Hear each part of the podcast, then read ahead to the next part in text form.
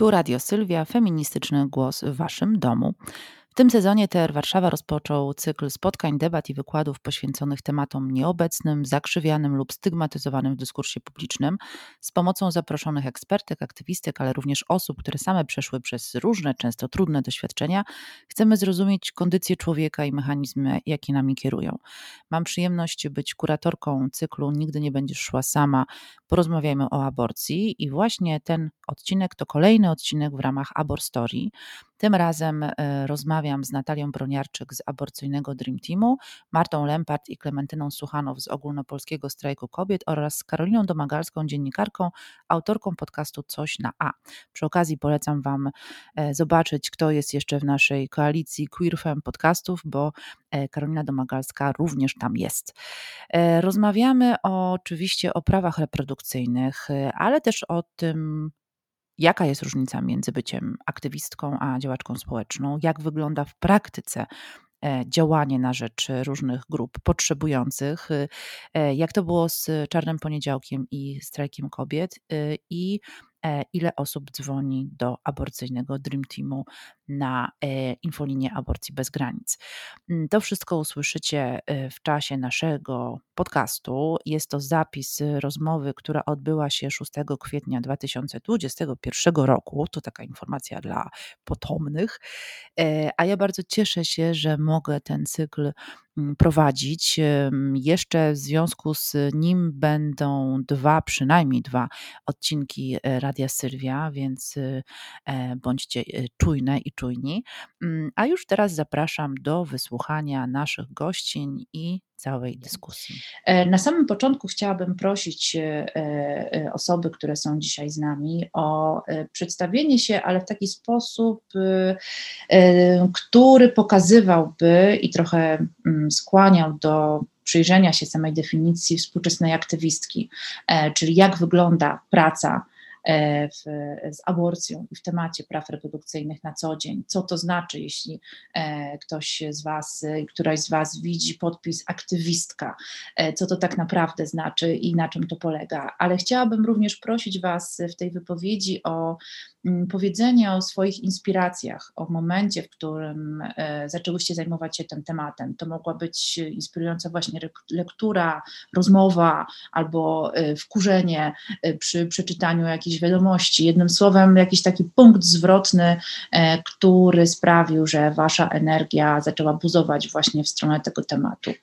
E, wiem, że to trochę po szkolnemu, ale w związku z tym, że jesteśmy na Zoomie online, a nie bezpośrednio i nie mamy kontaktu wzrokowego, to będę prosiła o to, e, żeby poszczególne osoby zaczęły swoje wypowiedzi. Natalia, czy możemy zacząć od ciebie? Jasne. To jest Ciekawe pytanie, bo szczerze mówiąc,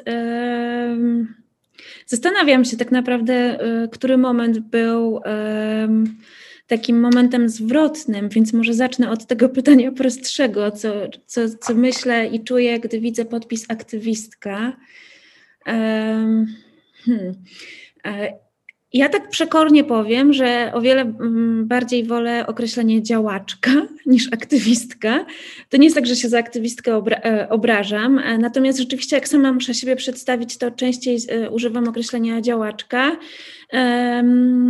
Chyba też, żeby, żeby pokazać, że, że to nie jest jakby działanie w obszarze feministycznym, czy aktywizm w obszarze feministycznym to nie jest jakaś nowa rzecz, tylko ma po prostu długie korzenie i że też można być działaczką i aktywistką i stosować te, te, te określenia zamiennie i że aktywistka to nie jest ktoś lepszy od działaczki, ani odwrotnie, tylko um, nie wiem, jakoś działanie kojarzy mi się po prostu, to, to słowo bardziej mi się wydaje też takie um, włączające może, ale to są też moje emocje, przemyślenia na, na ten temat. E, ja się e, zajęłam tematem aborcji e, chyba w 2009 roku, tak mi się wydaje, że to był pierwszy raz. Kiedy zaczęłam się tym zajmować poprzez edukację seksualną. Napisałam magisterkę i tutaj czas na sprostowanie. Nie jestem jeszcze socjolożką. Moje pierwsze wykształcenie to e, pedagogika. Jestem pedagogzką, nauczycielką, ale robię doktorat e, na socjologii e, i pewnie mężczyzna by tego nie sprostował, a jako kobieta czuję, że muszę, bo zaraz może ktoś mi to wypomni, że się przedstawiam jako socjolożka. Nie powinnam, chociaż skończyłam studia doktoranckie socjologiczne, no ale tak, żeby było fair, e, to, e, to jeszcze, jeszcze się uczę na socjolożkę. Natomiast e, zaczęłam się zajmować edukacją seksualną przy okazji mojej magisterki w 2008 roku i to była krótka droga do aborcji. Tak trafiłam do grupy Ponton, która działa i działała przy Federacji na Rzecz Kobiet i Planowania Rodziny i z tą organizacją się związałam. Natomiast punkt zwrotny Wiele tych punktów zwrotnych było w moim działaniu wokół aborcji, ale chyba takim punktem najbardziej zwrotnym e, było e, przeczytanie takiego artykułu w 2014 roku. E, on niestety był po angielsku i mm, jego tytuł brzmiał e, Dlaczego e, lepiej być pro-abortion niż pro-choice? I to był taki moment, kiedy mnie sieknęło i pomyślałam sobie, oj nie, nie, za dużo, nie wolno tak, nie powinnyśmy mówić o sobie, że jesteśmy proaborcjonistkami, powinnyśmy mówić o sobie, że jesteśmy pro-choice. E, ale też przeczytanie książki Klaudii Snochowskiej-Gonzalez, e, która była w pierwszym odcinku Abostorii, e, czyli A jak hipokryzja. To był taki moment też dla mnie ważny. Przeczytałam tę książkę, tam te poszczególne felietony były rozdzielone historiami osób, które miały doświadczenie aborcji. I, i te te felietony napisane z perspektywy eksperckiej, wymieszane z doświadczeniami, były dla mnie takim po prostu e, też zderzeniem z tą rzeczywistością. E, no i moje doświadczenie aborcji, które też mi pokazało, że um, można mieć bardzo dużą wiedzę teoretyczną na temat aborcji, można jeździć do ONZ-u, można chodzić na demonstracje, organizować te demonstracje, a jak się samej potrzebuje pomocy, to po prostu jest ten wstyd i, i to było dla mnie trudne po prostu, że, że nawet właśnie działaczki się wstydzą. E, I to był moment zwrotny, rzeczywiście. Wtedy zdałam sobie sprawę z tego, że trzeba coś też robić z tym wstydem, bo inaczej e, będziemy po prostu takimi samotnymi e, jednostkami, które z tym swoim doświadczeniem są same. Wtedy trafiłam na Kobiety w sieci, na organizację, która od 2006 roku pomaga osobom w przerwaniu ciąży, e, głównie online, i tam poczułam e, niesamowitość, niesamowite siostrzeństwo. Mm. E, I zaczęłam pomagać w aborcjach. To był moment, kiedy zaczęłam właśnie pomagać, bo pomyślałam sobie, że doświadczenie mm, jest ważne, że, że mówienie innej osobie, która potrzebuje aborcji, u mnie było tak, ja to miałam tak, ja to zrobiłam w ten sposób, bolało, nie bolało, albo nie wiem, tyle czekałam na tabletki, było po prostu super um, dodające odwagi, bo mi to też dodawało odwagi, kiedy ja czekałam na tabletki, że Justyna, która mi pomagała, z którą teraz razem tworzymy aborcyjny Dream Team, właśnie posługiwała się swoim doświadczeniem. Um, i to było, tych momentów zwrotnych było, było wiele. Myślę, że wiele rozmów odbytych z osobami, które korzystały z pomocy, wiele, wiele rozmów odbytych z osobami, które miały to doświadczenie. Myślę, że w ogóle praca w aborcji jest taką pracą, która naprawdę często inspiruje, e, że to jest taka, taki proces, że to nie jest tak, takie jedno e, wydarzenie, które cię zmienia, tylko tych, tych wydarzeń może być kilka i, i że to jest zmiana, która jest rozłożona w czasie.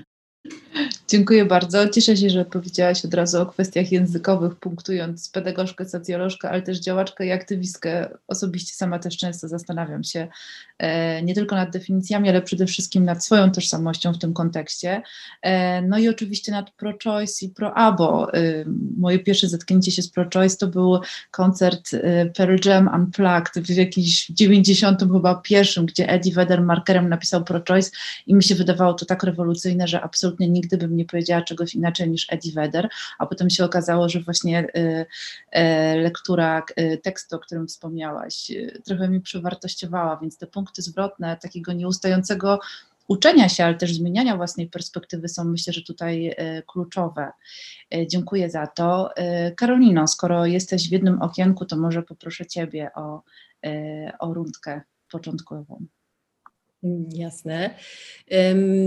Ja jestem dziennikarką już e, nie pracującą tak jak kiedyś w dziennikarstwie i ten mój aktywizm to jest właśnie taka historia e, pracy w prasie i zastanawiania się właśnie i takim nawet bycia wyrastania trochę w takim e, kanonie, że dziennikarz musi, dziennikarka musi być obiektywna i, i, i, taka droga do tego, żeby sobie powiedzieć, że wcale tak nie jest przede wszystkim, o czym jakby wszyscy wiemy i o tym rozmawiamy, ale jednak jak już piszemy te teksty, no to nadal świetnie by było, gdybyśmy byli tacy właśnie obiektywni, ale tak obiektywni ten taki jeden, jedyny słuszny sposób, czyli taki, w który na przykład e, linia naszego pisma, w którym pracujemy, proponuje, albo naczelni, e, albo naczelne więc y, ja się trochę z tym zmagałam, ale nie tak bardzo, jakoś powiedziałabym, tragicznie. Y, dopóki nie y, przeczytałam, u mnie takim punktem zwrotnym było ogłoszenie, które napisała Justyna Wydrzyńska, już tu wspomniana. To było takie ogłoszenie napisane w ramach kobiet w sieci, że dzieje się coś niepokojącego. Tabletki aborcyjne przesyłane z zagranicy zostają zatrzymane na granicy I, I to był taki, ja to trochę tak zrozumiałam, żeby to był taki trochę y, może nie, to taka prośba o pomoc, żeby media zauważyły, że ten problem istnieje i może w jakiś sposób y, y, to nagłośniły. No ja połknęłam haczyk, dlatego że jak to przeczytałam, to sobie od razu wyobraziłam te wszystkie kobiety, które czekają w Polsce na te tabletki. I przeszłam taką dosyć przyspieszoną jakby szkołę y, uświadomienia sobie, że w ogóle, no muszę to powiedzieć, istnieją tabletki aborcyjne. Można je zamówić można zrobić sobie aborcję w domu i to jest zgodne z prawem, a przynajmniej nie jest regulowane prawnie. I to były dla mnie takie właśnie olśnienia. One tak szły tak bach, bach, bach, bach, bach, bach. I potem y, no, pisałam o tym tekst i przy tej okazji poznałam um, Natalię, Karolinę i Justynę z aborcyjnego Dream Teamu. Nie spotkałam się z Kingą, no bo czwarta członkini aborcyjnego Dream Teamu mieszka w Amsterdamie. No i tak powstał reportaż o... Um, o aborcji farmakologicznej, ale też właśnie o działalności aborcyjnego Dream Teamu. No i no nie da się chyba ukryć, że to był w moim, akurat mojej drodze taki e, przełomowy moment i to spotkanie, te nasze rozmowy też e, sprawiły, że zupełnie zaczęłam inaczej patrzeć na ten temat, który do tej pory no taki był ja nie wiem, ja to już nie mogłam nawet słuchać, jak ktoś mówi o aborcji. Wydawało mi się, że to już jest tak strasznie nudne i dlaczego feministki zawsze muszą się borykać z tym tematem, który jest taki jakby beznadziejny, że jakby tyle lat mówimy, że coś trzeba zrobić i, i nic się nie dzieje, już w zasadzie to już mogłybyśmy przestać nareszcie.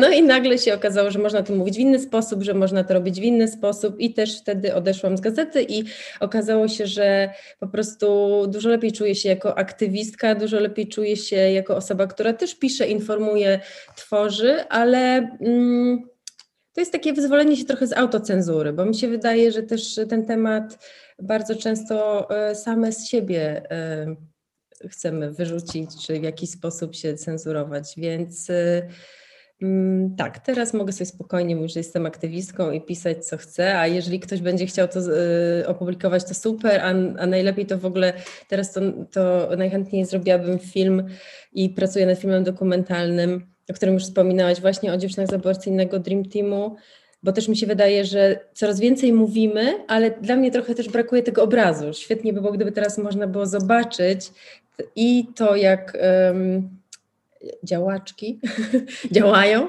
ale też jak wygląda ta rzeczywistość aborcyjna, jak robimy aborcję, jak to wygląda, jak się wspieramy i, e, i dlatego poszłam w ogóle dalej i teraz chciałabym zrobić film dokumentalny jako aktywistka. E, powiedz jeszcze proszę, gdzie można wspierać realizację tego filmu. Jasne, mam taką zrzutkę pomagam.pl łamane film o na film o aborcji. To jest, Dosyć proste. Film o aborcji. To rzeczywiście ciekawe, by ten punkt zwrotny, który w Twoim przypadku był elementem pracy zawodowej, a z drugiej strony też tego zmęczenia tematem. To jest coś, co jakby pojawia się bardzo często, nie tylko zmęczenie aktywistek, działaczek, ale właśnie zmęczenie y, memułaniem tego samego i tych samych argumentów on and on and on. Y, więc y, to jest ten też moment, kiedy coś się zaczyna buzować i coś zaczyna się zmieniać również u nas samych. Marto, czy mogłabym poprosić Ciebie o wypowiedź? U mnie to była taka historia typowa chyba dla strajku, tak myślę, bo my jesteśmy specyficzną grupą. Ja w momencie, kiedy się dowiedziałam, ja się dowiedziałam od mojej partnerki o tym wszystkim, że się to dzieje. Natalia była dużo bardziej zawsze zaangażowana też w feminizm i, e, i bardziej śledziła to, co się dzieje, jeżeli chodzi o te nasze sprawy. No i od niej się dowiedziałam o tym, że było głosowanie w Sejmie, że, że idzie zakaz. E, I ja wtedy pomyślałam, że to. Pomyślałam o bliskiej osobie, nie mogę o tym opowiadać, bo się ona się na to zgodziła. Pomyślałam o bliskiej osobie, która przeszła taką, e, taką historię, gdzie odmówiono jej, to nie było w Polsce, to było w kraju, który jest tak samo e, koszmarnie katolicki, wstrętny, znaczy już mniej teraz, ale, ale wtedy był koszmarnie katolicki, więc odmówiono jej badań prenatalnych i ona została zmuszona do do donoszenia ciąży i do urodzenia dziecka i patrzenia, jak ono umiera e, w męczarniach przez tam jakiś czas. I ja sobie pomyślałam, że ona tego nie przeżyje. W sensie, że raz przeżyła, jakoś to przetrwała, ale że jak to się stanie drugi raz, to ona może tego nie wytrzymać. Że, że jakby to też jest tak, że jeżeli to się znowu zdarzy, to ona może nie dać rady. Yy, I to było stąd. Ja wiem, że fajna jest ta historia o tym, że ludzie wyszli, bo strasznie się oburzyli na odrzucenie Ratujmy Kobiety. Ona jest bardzo piękna. Yy, ja nie pamiętałam nawet, że były jakieś Ratujmy Kobiety. To chodziło o to, że nas wymordują. Yy, I w przypadku bardzo wielu dziewczyn z strajku chodziło o to, że nas wymordują, a nie, że strasznie byliśmy wtedy za legalną aborcją. Ja wtedy nie wiedziałam, że ja jestem za legalną aborcją. Może, może byłam, ale ja absolutnie byłam osobą, która była już jako młoda osoba w warunkach zakazu dorastałam, czyli e, to było dla mnie normalne, ja się nad tym nigdy nie zastanawiałam, nie miałam żadnego sprzeciwu w sobie, że to jest jakoś coś dziwnego. Czyli ja byłam dokładnie taką osobą jak większość z nas, że wiedziałam, ile to kosztuje, wiedziałam, jak to się załatwia. Oczywiście, że znam osoby, które miały zabieg, e, i, i, ale to właśnie to było tak, że ja nie miałam żadnej refleksji, że to też jest zasługa PiSu, że nas było bardzo dużo, że nas było ten, ten cały taki ogromny szary środek, który został za, za, zmuszony do zajęcia stanowiska właśnie wtedy. Natomiast no, my wtedy szliśmy, ja szłam przeciw zakazowi, wiecie, nie mogę kłamać, że szłam, no bo to nie jest prawda, nie? I też nie można takich dorabiać historii i myślę, że też o takich rzeczach trzeba opowiadać, bo też są, dużo jest takich osób, które gdzieś tam są właśnie na granicy teraz decyzji i tak sobie się zastanawiają, co one w ogóle o tym myślą. Yy, I i to tak było. Ja, ja byłam wtedy w Komitecie Obrony Demokracji, różne tam organizowałam wydarzenia i występowałam na demonstracji. Wtedy razem zrobiło takie typowe demonstracje w niedzielę w dużych miastach. Jak trzeba, idziemy, poprotestujemy, idziemy do domu, świetnie. E, I z tego wynika. E, więc to była taka właśnie niedzielna demonstracja. Wszyscy tacy byli hmm, we Wrocławiu oczywiście.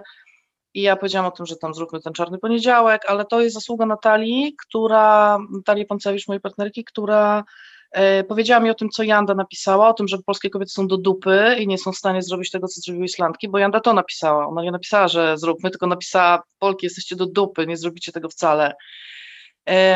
I stąd się wzięło słowo strajk, stąd się wziął ten pomysł. Wziął się też stąd, że ja się akurat tego dnia widziałam z Fryderyką Krzywoną, sprowadziłam z nim spotkanie jeszcze w ramach kodu.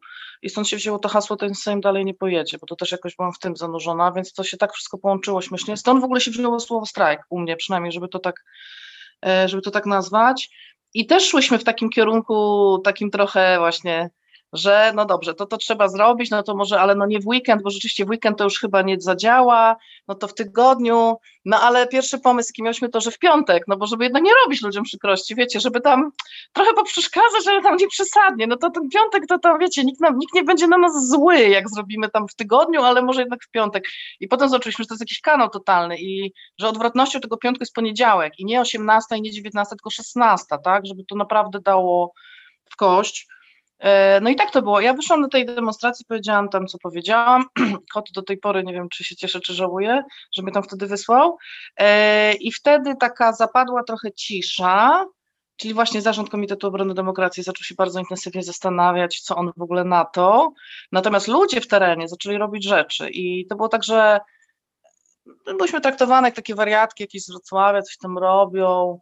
No w dużych miastach się owszem działo, na Facebooku się działo, ale media tak patrzyły na nas w ogóle, nie, tam jakieś tam coś. Także to też była taka próba wejścia trochę i przejścia, a ludzie się na szczęście organizowali. W końcu media się zorientowały, że jednak tak, że jednak coś może się wydarzy i że istnieje życie poza tym, które one same wyznaczają. Bo musiały nas zauważyć, przestać nas traktować, jakbyśmy nie istniały. E, czyli to się stało koło środy. Przez dwa dni byliśmy poza Anią Dryjańską, która zrobiła ze mną wywiad od razu. Było totalne milczenie e, na temat tego, że się ludzie organizują. E, było mowa oczywiście, że protest, że trzeba, że tu jest bardzo źle, ale o tym, że ludzie się organizują w Polsce, w różnych miastach, że się łączą, że próbują, że będą robić rzeczy, absolutnie była cisza. No i tak to wyglądało, więc tak to było u mnie i ten tydzień pamiętam jak przez mgłę. No a potem było tych protestów cała masa. Dwa, trzy tygodnie później był protest, druga runda strajku, która się odbyła wyłącznie dlatego, że jak prawica, PiS i Kościół przegrali z nami, to nie byli w stanie milczeć.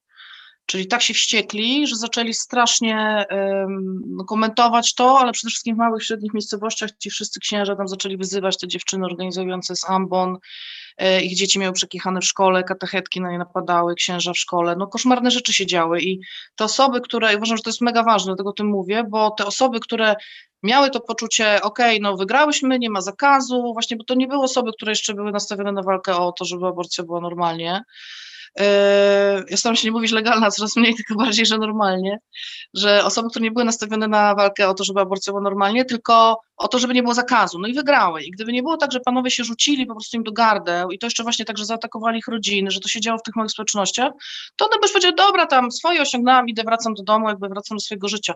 No one się wtedy strasznie wkurwiły. I stwierdzimy, dobra, no to jak tak, no to się jakby rozstajemy, dzięki, to ja już się zajmę, to, to, to, to, już nie, to ja już z wami nie dziękuję, wypad.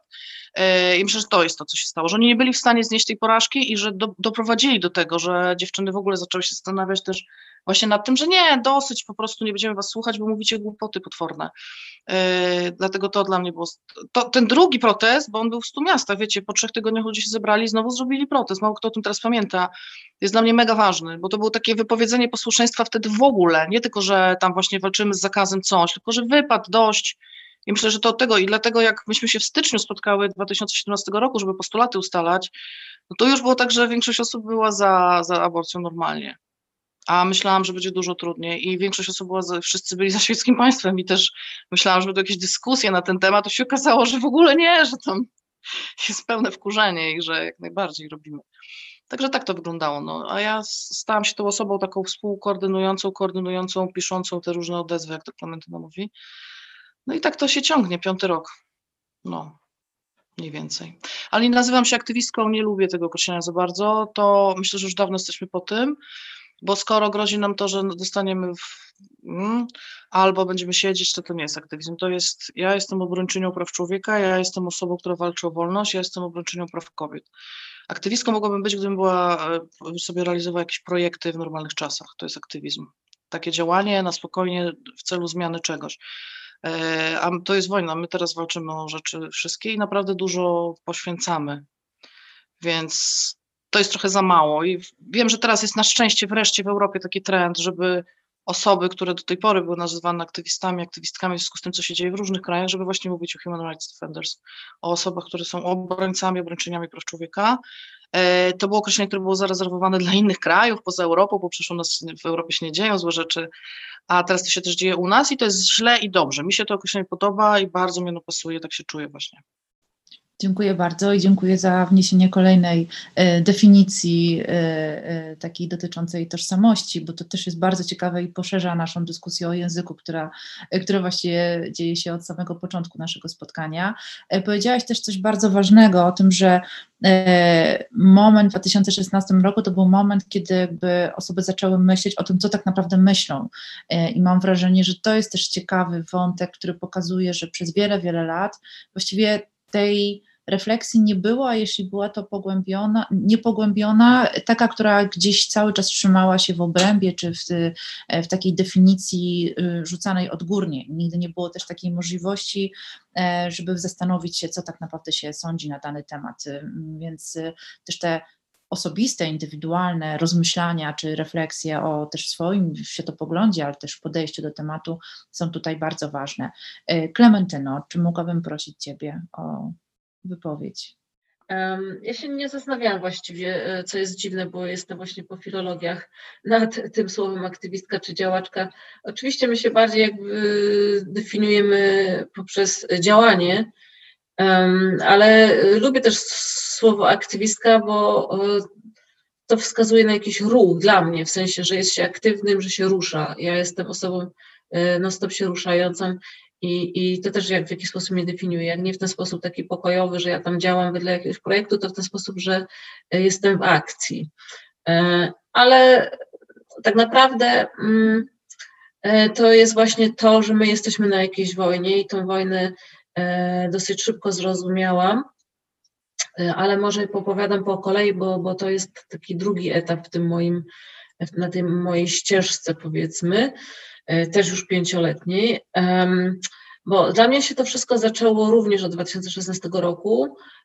Ja wcześniej nie działałam w takich przestrzeniach, nie czytałam na te tematy, także nie mam na przykład żadnych lektur, które by mi pozwoliły jakieś tam po prostu Niestety no, zajmowałam się Gombrowiczem i to były inne lektury, e, głównie siedzenie w archiwach, e, siedzenie z, z lupą nad kartkami i tak dalej, także zajmowałam się pracą e, w pewnym sensie taką estetyczną i, i zakonną raczej dosyć odseparowana od świata, także ja pamiętam, że się przebudziłam w 2016 roku, po tym jak wyszłam z 63 roku na przykład bo to był taki rok, e, który bardzo do końca mm, dociągałam w tej biografii Gombrowicza, bo tam się wydarzyła taka, taka intryga e, polityczna wokół Gombrowicza, który wylądował w Berlinie Zachodnim, w związku z czym musiałam czytać dużo papierów związanych z KCPZPR w archiwum bądź Trybuny Ludu i to właśnie było dla mnie szokujące, że ja z tej trybuny ludu trafiłam do 2016 roku, kiedy skończyłam pisać. Właśnie kończyłam pisać we wrześniu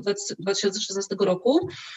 I nagle patrzę, a tu kurwa po prostu Polska mówi praktycznie językiem z trybuny ludu. W zasadzie te media, ci politycy, co się pojawiają w mediach, e, to oni używają dokładnie tych samych fraz. Mnie to przeraziło. I sobie zmysłowiłam, że e, o kurczę, kurczę, coś się stało.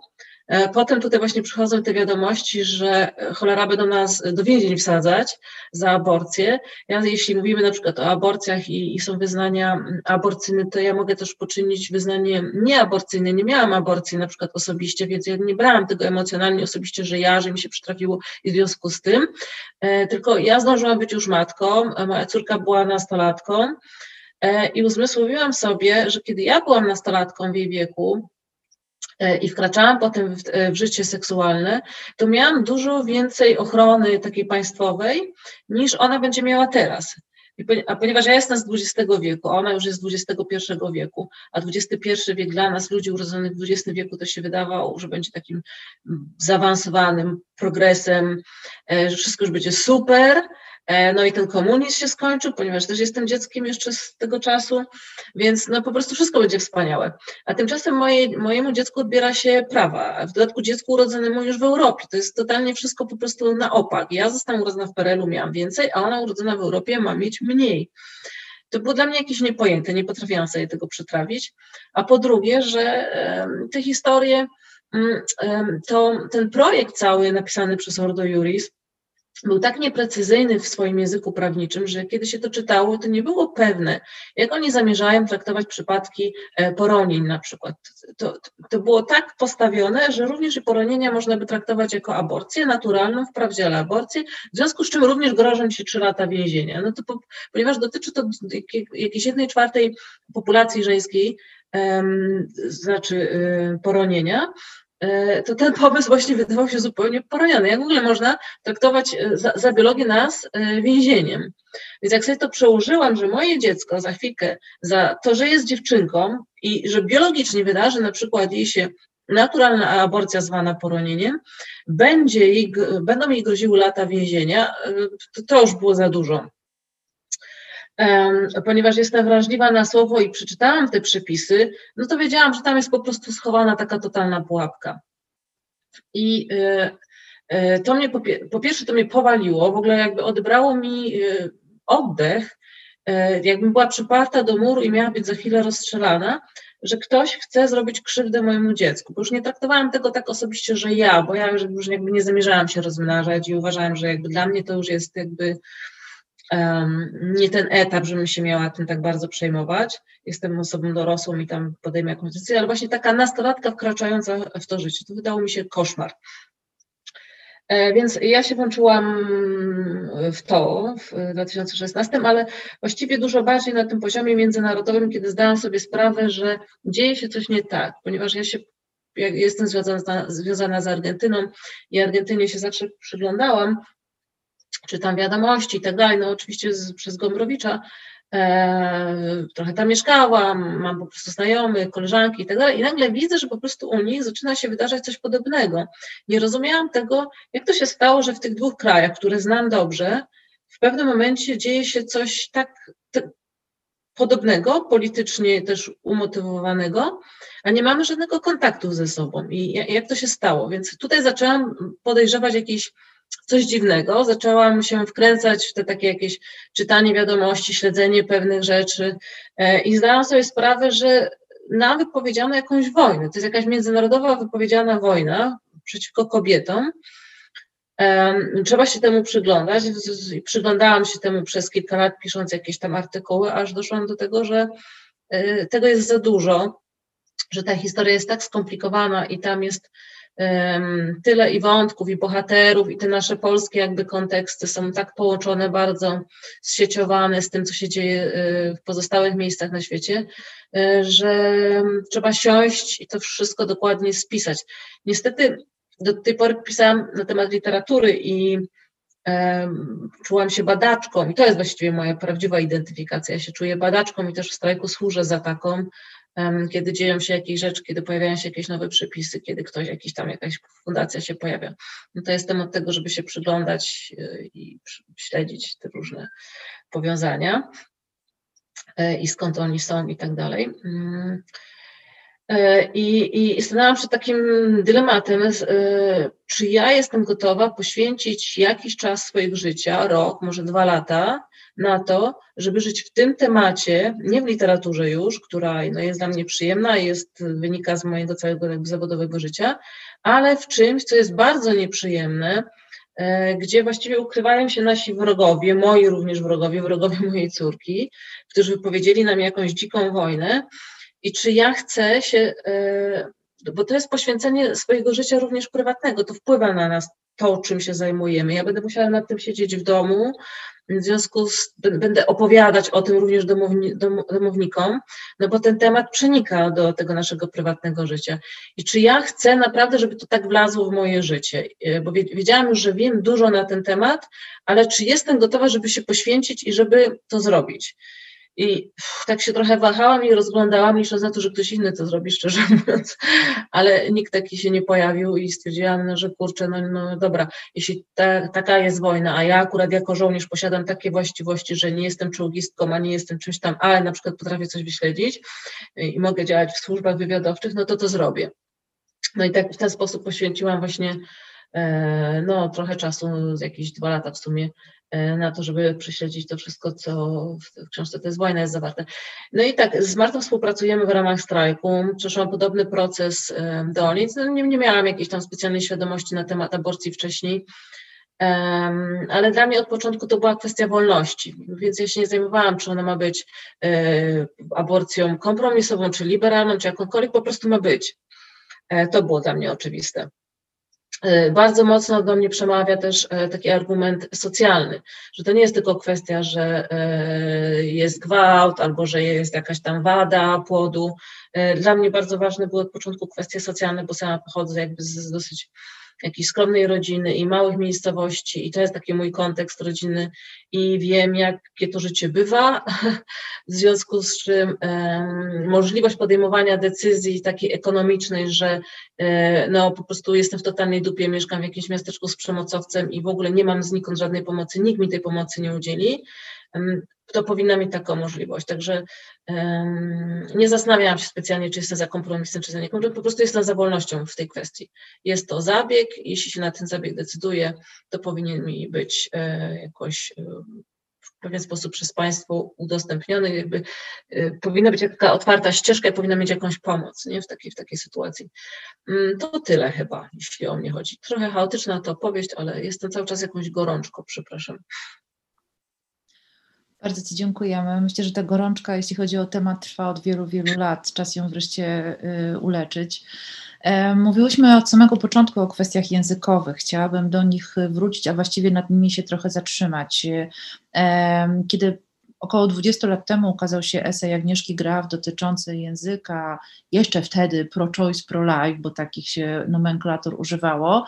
E, konstatacja była jedna, przegrałyśmy ten język, e, prawica e, i w tym Kościół katolicki mają nas, mają nas tym, co teraz zresztą widzimy w nadmiarze, na billboardach, ulicach całej mhm. Polski ale myślę sobie, że, że coś się dzieje i dzieje się dużo dobrego przez ostatnie lata. I moje pytanie e, do Natalii jest e, związane właśnie z językiem. Oprócz tego, że ADT e, wydało broszury, jakby szkoli też media w tym, w jaki sposób używać języka dotyczącego aborcji, jak o niej opowiadać, jak ją przedstawiać, no to oczywiście główne hasło aborcja jest ok, które łączy się też z postacią Karoliny i o tym już wspominała w kontekście kontekście y, swojego reportażu w Wysokich Obcasach, y, e, to jest rewolucja i to jest ten kolejny jakby krok, który przybliża nas do tego, aby to, o czym mówiłyśmy wcześniej, czyli ta autorefleksja też, ale w ogóle jakby zadanie sobie pytania, co ja myślę na ten temat i gdzie ja jestem w, tej,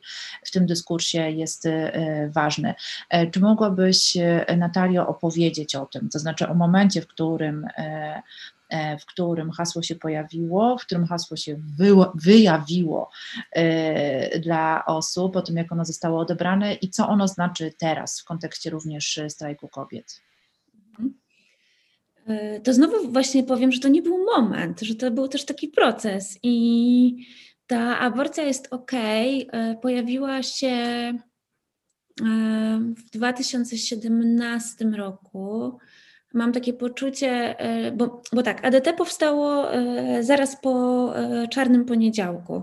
Dwa tygodnie po, po Czarnym Poniedziałku my zrobiłyśmy pierwsze spotkanie, jeszcze wtedy się nie nazywałyśmy Aborcyjne Dream Team, tylko po prostu chciałyśmy zrobić spotkanie o aborcji farmakologicznej, a dzień chyba po tym spotkaniu Natalia Przybysz dała wywiad, ten aborcyjny coming outowy w Wysokich Obcasach. Zresztą to jest też ciekawe, bo Marta, ty mówiłaś o, o, drugim, o drugiej rundzie, czarne, drugiej rundzie strajku kobiet. Jak ty to pamiętasz, że to było mm, właśnie z aktu takiego potrzeby solidarności z tymi osobami z małych miejscowości, które były atakowane przez polityków. E, I cieszę się, że to, że to właśnie usłyszałam, bo dla mnie na przykład ta druga runda, e, ja sobie tak to zakodowałam. E, ja też nie, nie, współorganizowałam tego, tylko uczestniczyłam. Dla mnie pójście na drugą rundę było okazaniem solidarności z Natalią Przybysz, bo to było dzień po tym wywiadzie. Ja miałam taką potrzebę pójść z kartonem i napisać jestem z Natalią, że e, e, napisałam na właśnie na, na takiej zwykłej kartce papieru z drukarki jestem z Natalią i jakie było moje ogromne takie wzruszenie, jak zobaczyłam, że nie tylko ja z tą kartką na warszawski strajk e, przyszłam. To było niesamowite. I też myślę, że każda właśnie osoba, która uczestniczyła w tych strajkach, trochę pamięta inaczej e, i tą pierwszą rundę, i drugą rundę. Z, różnymi, z różnych powodów poszła, z różnych motywacji, z różnym hasłem. E, I mm, dla mnie ten wywiad był e, wywiad Natalii Przybysz, który zrobiła Paulina Reiter był chyba takim orzeźwieniem, kiedy ja pomyślałam sobie, kurczę, my musimy mówić o tym inaczej. To znaczy, my musimy o tej aborcji zacząć mówić inaczej, bo inaczej, bo jak tego nie zrobimy, to będziemy mieć um, wylewające się po prostu wiadro pomyj na każdą osobę, która zechce powiedzieć, powiedzieć o swoim doświadczeniu. I to się zresztą zadziało, tak? To się, to się zadziało wokół tego wywiadu. E, myśmy to bardzo przeżywały, ale myśmy wtedy nie miały odpowiedzi, jak to robić. My po prostu miałyśmy niezgodę, że, że tak nie należy reagować na czyjeś e, doświadczenia aborcyjne, że trzeba e, okazywać sobie solidarność, że, że trzeba stawać ze sobą murem i, i się wspierać w takiej sytuacji, a nie rozprawiać nad tym, ile się trzeba mieć pokoi, żeby zmieścić tam wszystkie dzieci, tak? No bo ta, ta krytyka też się wokół tego pojawiała, że nagle po prostu taki super poważny powód, bo, bo ten powód jest poważny i większość osób decyduje o aborcji właśnie z tego powodu, że nie chce wywracać swojego życia do góry nogami. I to życie może się wiązać z mieszkaniem, z pieniędzmi, z pracą, ze związkiem. Nie chce wywracać swojego życia do góry nogami, akceptuje je, jakie, jakie jest, ogarnia je takim, jakie ono jest. E, ja za to Natalii Przybysz byłam ogromnie wdzięczna. I wtedy zaczęłyśmy się zastanawiać, jak mówić o tej aborcji, żeby przełamywać właśnie tą taką potrzebę od razu linczowania kogoś, jak ktoś powie o swoim doświadczeniu. I zaczęłyśmy się trochę bawić tym językiem, że właśnie um, może należy nie bronić tej aborcji, tylko samej nadawać ton e, tej rozmowy. E, już nie tańczyć do tej muzyki, którą nam puszczają antyaborcjoniści, tylko samej zacząć puszczać muzykę, tak? Wczoraj Agata Areszkiewicz w TKFM-ie e, powiedziała, że prawo do aborcji, w, w, w, o prawo do aborcji walczy się skandalem. I ja się z tym trochę zgadzam, że byłyśmy już na tak przegranej pozycji, że powiedzenie aborcja jest ok, okazało się skandalem. To znaczy coś, co dzisiaj już nie, nie dziwi, tak? Powiedzmy sobie szczerze. Dzisiaj aborcja jest ok, już nie wywołuje takich dyskusji jak te e, 3-4 lata temu. natomiast wtedy powiedzenie aborcja jest ok, zresztą Karolina nam dodała odwagi, żeby to było na okładce. Myśmy wcale nie chciały, żeby to było na okładce. Myśmy się trochę bały. E, my tak mówiłyśmy, miałyśmy takie koszulki, e, ale nie chciałyśmy robić takiego ogólnopolskiego manifestu, ale to Karolina przyszła i powiedziała, na okładce musi być, jest, musi być aborcja jest ok. I my byłyśmy trochę takie, no, zestresowane tym, bo wiedziałyśmy, że się zacznie dyskusja, natomiast ja się chyba nie spodziewałam, że ta dyskusja będzie tak długa, no bo ona nie trwała tydzień, ona trwała bardzo długo. E, I mm, wiele osób zabierało głos w tej dyskusji. Wiele razy poniosły nas nerwy również w tej dyskusji i musiałyśmy e, czasem zareagować stanowczo na pewne komentarze. Dla mnie najtrudniejsze chyba w tej dyskusji e, i walce o język było to, że razem z artykułem Aborcja jest OK, e, który dla mnie był momentem przełomowym, bo dzięki tej dyskusji wiele osób się dowiedziało o tym, że może przerwać ciążę, że nie musi wyjeżdżać, że nie musi mieć pieniędzy, nie wiadomo ile, że są grupy, które pomagają i to był nasz cel. I dzięki Karolinie udało nam się go um, z ziścić, bo ten artykuł i ta okładka były na pudelku, e, na forach wizażu, tych wszystkich forach makijażowych oraz również dostawałyśmy zdjęcia z malutkich kiosków, e, od właśnie dziewczyn pisa, pisały na ADT, zobaczcie, a u mnie w miejscowości, w kiosku ta okładka jest e, wystawiona w witrynie z bibliotek. To był nasz cel. Natomiast najbardziej bolesne tej dyskusji było to, że razem z artykułem w dniu, w którym ten numer Wysokich Obcasów wyszedł, były w głównym wydaniu wysokich, e, w, Gazety Wyborczej aż trzy artykuły odcinające się od tego e, artykułu. Ja tego nie mogę zrozumieć, jak można pozwolić e, wydać artykuł przełomowy w gazecie, która sama siebie umiejscawia po tej bardziej progresywnej stronie, a jednocześnie zrobić wywiad z Romualdem Dębskim, który umówmy się, nie był zwolennikiem do, e, dostępu do aborcji, e, napisać felieton na główną stronę e, Gazety Wyborczej przez Aleksandrę Klich, że aborcja to nie jest temat na bluzkę i jeszcze napisać jeden felieton. To znaczy redakcja według mnie zrobiła wszystko, żeby pokazać, że nie trzyma z nami i z Karoliną. I to było dla mnie bardzo bolesne, bo E, ja pamiętam, że dostawałyśmy wiadomości e, właśnie, nie wiem, nawet od członków naszych rodzin, od członkich naszych rodzin, że Jezu, no nawet ta redakcja was nie popiera, co wyście odwaliły? I trudno się tłumaczyć z takiego, e, nie wiem, ludzie mają różne autorytety, tak? Różne punkty odniesienia. Nie wiem, Tomasz List ciągle dla wielu osób jest ważnym punktem odniesienia. Dla mnie nie, ale dla wielu osób jest. I jak za przeproszeniem, wypierdział z siebie cztery po prostu felietony na ten temat, jakie to jest straszne, to wiele osób, nie wiem, sąsiadów moich rodziców, ja też nie pochodzę z dużego miasta, nie pochodzę z e, jakiejś rodziny inteligenckiej, mówiło, no nawet Tomasz Lis jest przeciwko. I trudno się komentuje takie rzeczy, no bo od razu człowiek chce powiedzieć, ej, no kim jest Tomasz Lis? To znaczy w kontekście aborcji, to nie z nim stałyśmy na tym placu zamkowym, to nie on przychodzi co roku na manifę. On nie jest naszym sojusznikiem, tak?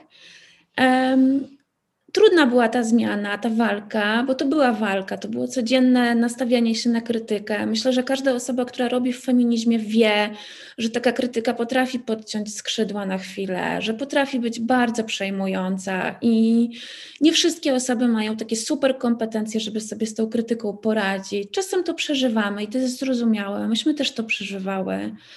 E, natomiast e, protesty w 2020 roku pokazały, że aborcja jest ok, weszła na stałe do języka. I ja pochodzę z Siedlec, z miasta, które leży 90 kilometrów od Warszawy.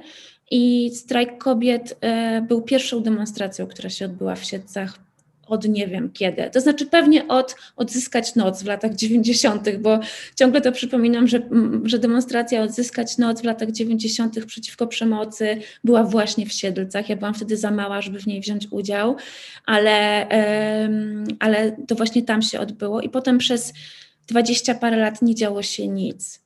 Cała Polska maszerowała przeciwko zmianom w Trybunale Konstytucyjnym, przeciwko różnym propozycjom e, partii rządzącej. Siedlce żyły swoim życiem do października 2020, kiedy wyszło 2000 osób razem z moimi rodzicami i ludzie mieli hasło aborcja jest ok. Więc ta zmiana jest powolna i coś, co nas szokuje, ten skandal, e, jest często takim momentem, w którym właśnie przychodzi ta chwila autorefleksji. To znaczy, jeżeli aborcja jest ok, budzi mój sprzeciw, to może to jest moment na zadanie sobie pytania, dlaczego? Dlaczego ja mam problem z tym hasłem? Dlaczego uważam, że aborcja jest nie okej? Okay? I wiele osób do nas pisało i mówiło: Na początku się wzdrygnęłam, nie mogłam na to patrzeć, przypominało mi to ogłoszenie e, salonu fryzjerskiego, a potem stwierdziłam, że kurczę, jakby przyszła do mnie przyjaciółka i powiedziała, że jest w ciąży, to co, powiedziałabym jej, ej, ale aborcja nie jest ok?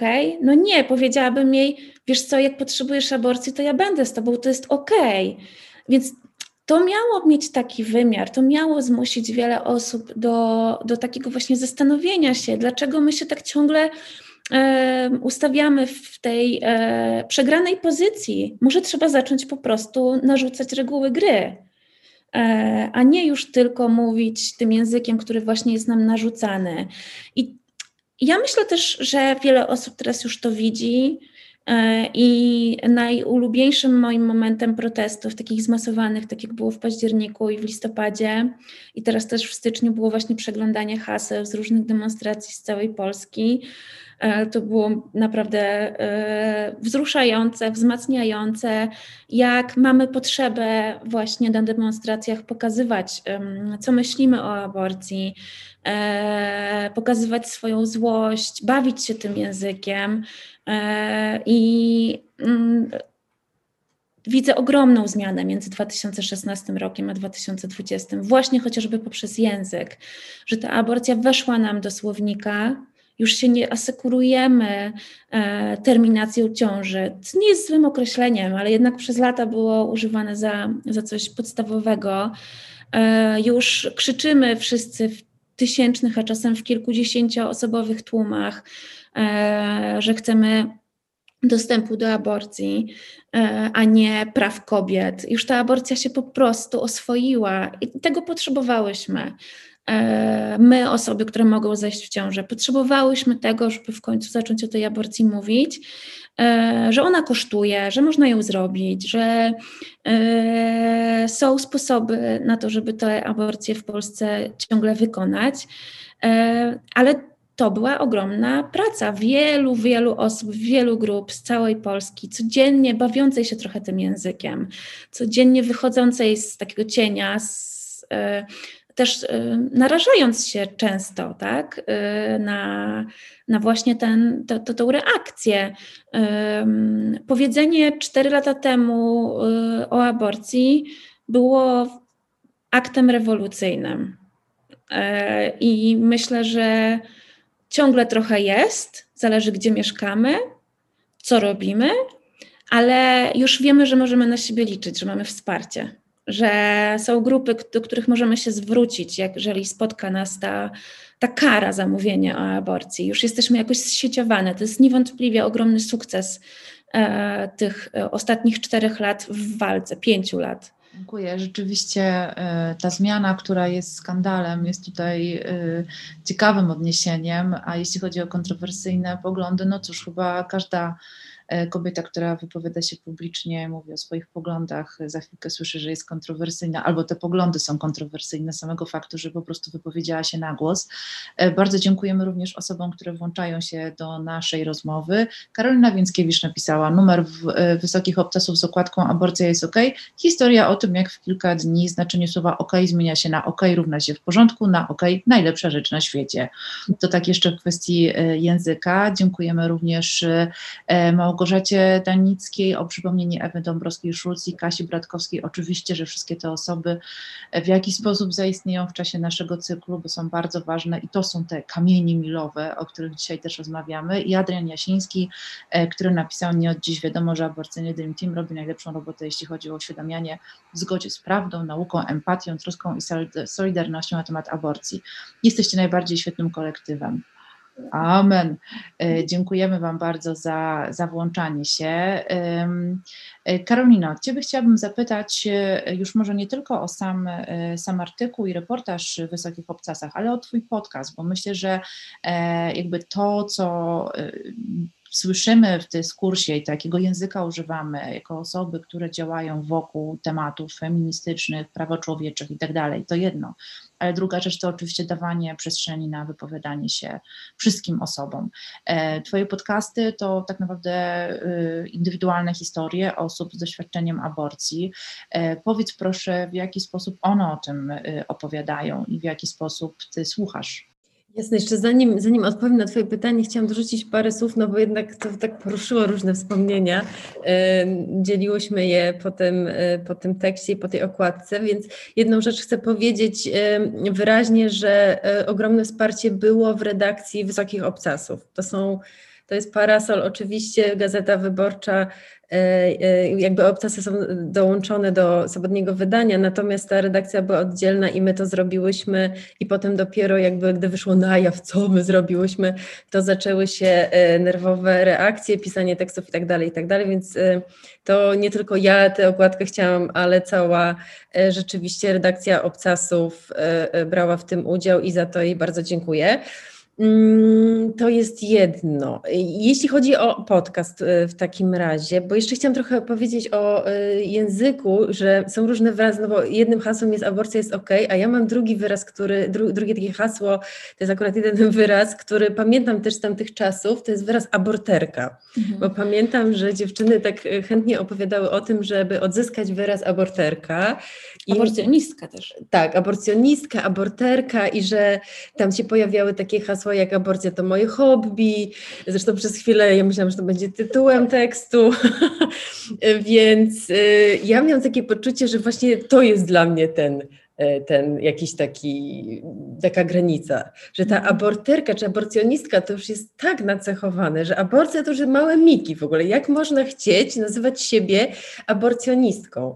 I że mm, przechodząc cały ten proces, no bo to jest dokładnie tak jak Natalia mówiła, no my, my wszystkie kiedyś przechodziłyśmy ten proces. Ja go przechodziłam e, pisząc tekst i cały czas go przechodzę, e, e, myślenie o tym e, i, i, i właśnie zastanawiania się, jeżeli jestem pro-choice, czy kiedyś właśnie gdy mówiłam, że jestem pro-choice, to co to dokładnie znaczy i dlaczego tak ciężko jest powiedzieć, że jesteśmy pro-abo. Mm, I, i, w te, I w pewnym momencie jakby tak poczułam, że ten wyraz jest zintegrowany trochę z moją tożsamością, że ja jakby nie chcę się bać mówić, że jestem aborcjonistką. Nie, niezależnie od tego, co to znaczy, no bo to można że znaczyć też wiele różnych rzeczy. Natomiast tak, to, to a propos odzyskiwania języka jeszcze chciałam dorzucić, że aborcja jest ok i aborcjonistki są ok. Um, natomiast jeśli chodzi o podcast, no to rzeczywiście to była taka kontynuacja mojej drogi odchodzenia od takiego mainstreamowego pisania, czy pisania do, do mainstreamowych mediów, no które pisz, tam są pewne zasady, które y, świadomie i nieświadomie musimy, y, za którymi musimy podążać. No i one strukturyzują w jakiś tam sposób, y, budują narrację i ona nie jest taka wolna, to znaczy to nie jest tak, że oddajemy tę narrację osobom, które opowiadają o swoim doświadczeniu. To jest w zasadzie no niemożliwe. E, I w podcaście chciałam zrobić coś takiego, jak najbliżej właśnie być tego, żeby oddawać naprawdę pole, żeby osoby mogły opowiadać o swoim doświadczeniu, swoim językiem, swoim głosem, swoimi e, słowami. Więc ja najchętniej nie zadawałabym żadnych pytań, ale to jest czasem niekomfortowe dla tej drugiej osoby. I często na początku to mam takie ale będziesz zadawała pytania? No więc ja mówię, no tak, tak, będę zadawała pytania, jeżeli tego potrzebujesz, ale z założenia to jest tak, że że naprawdę nie ma pytań, które jakby muszę zadać, odhaczyć i staram się właśnie nie układać tego w jakiś taki schemat, bo są takie pytania, które kiedyś, dawno, dawno temu bym na pewno zadawała w, stylu jak podejmowałaś te decyzje, jaki to był proces, dlaczego, yy, jakie miałaś za, jakie miałaś przeciw, no, bankowo bym, bym tak jechała z, takiej, e, z takiego klucza. No i nie robienie tego było naprawdę super też wyzwalające dla mnie i też właśnie nie wiem jak to powiedzieć, no jakoś, może ten aktywizm to nie jest najlepszy wyraz, no ale to jest jakaś taka forma mm, no, działactwa, takiego działania, wchodzenia właśnie i odzyskiwania jakiejś przestrzeni i działania na własnych zasadach, czy, czy, czy wspólnie budowanie tych zasad od, od nowa. To jest y, dla mnie bardzo y, ważne, mimo że, że jakby teoretycznie tylko właśnie słucham, ale no to była też wielka ulga, no bo jednak praca dziennikarska, czyli to takie wyciąganie informacji, no naprawdę, to też jest kosztowne i też nie do końca fair, nie zawsze. Więc e, jeśli chodzi o podcast, to jak najmniej po prostu cenzury i autocenzury i, i, i jakiegoś strukturyzowania. E, to była taka rzecz. No i, no i myślę, że gdzieś tam jakby tak trochę rozszerzając, że to tego nam potrzeba, tak, żebyśmy właśnie mogły mówić tak, jak o tym chcemy, potrzebujemy, tak makroskali, no to jest oczywiście mikro.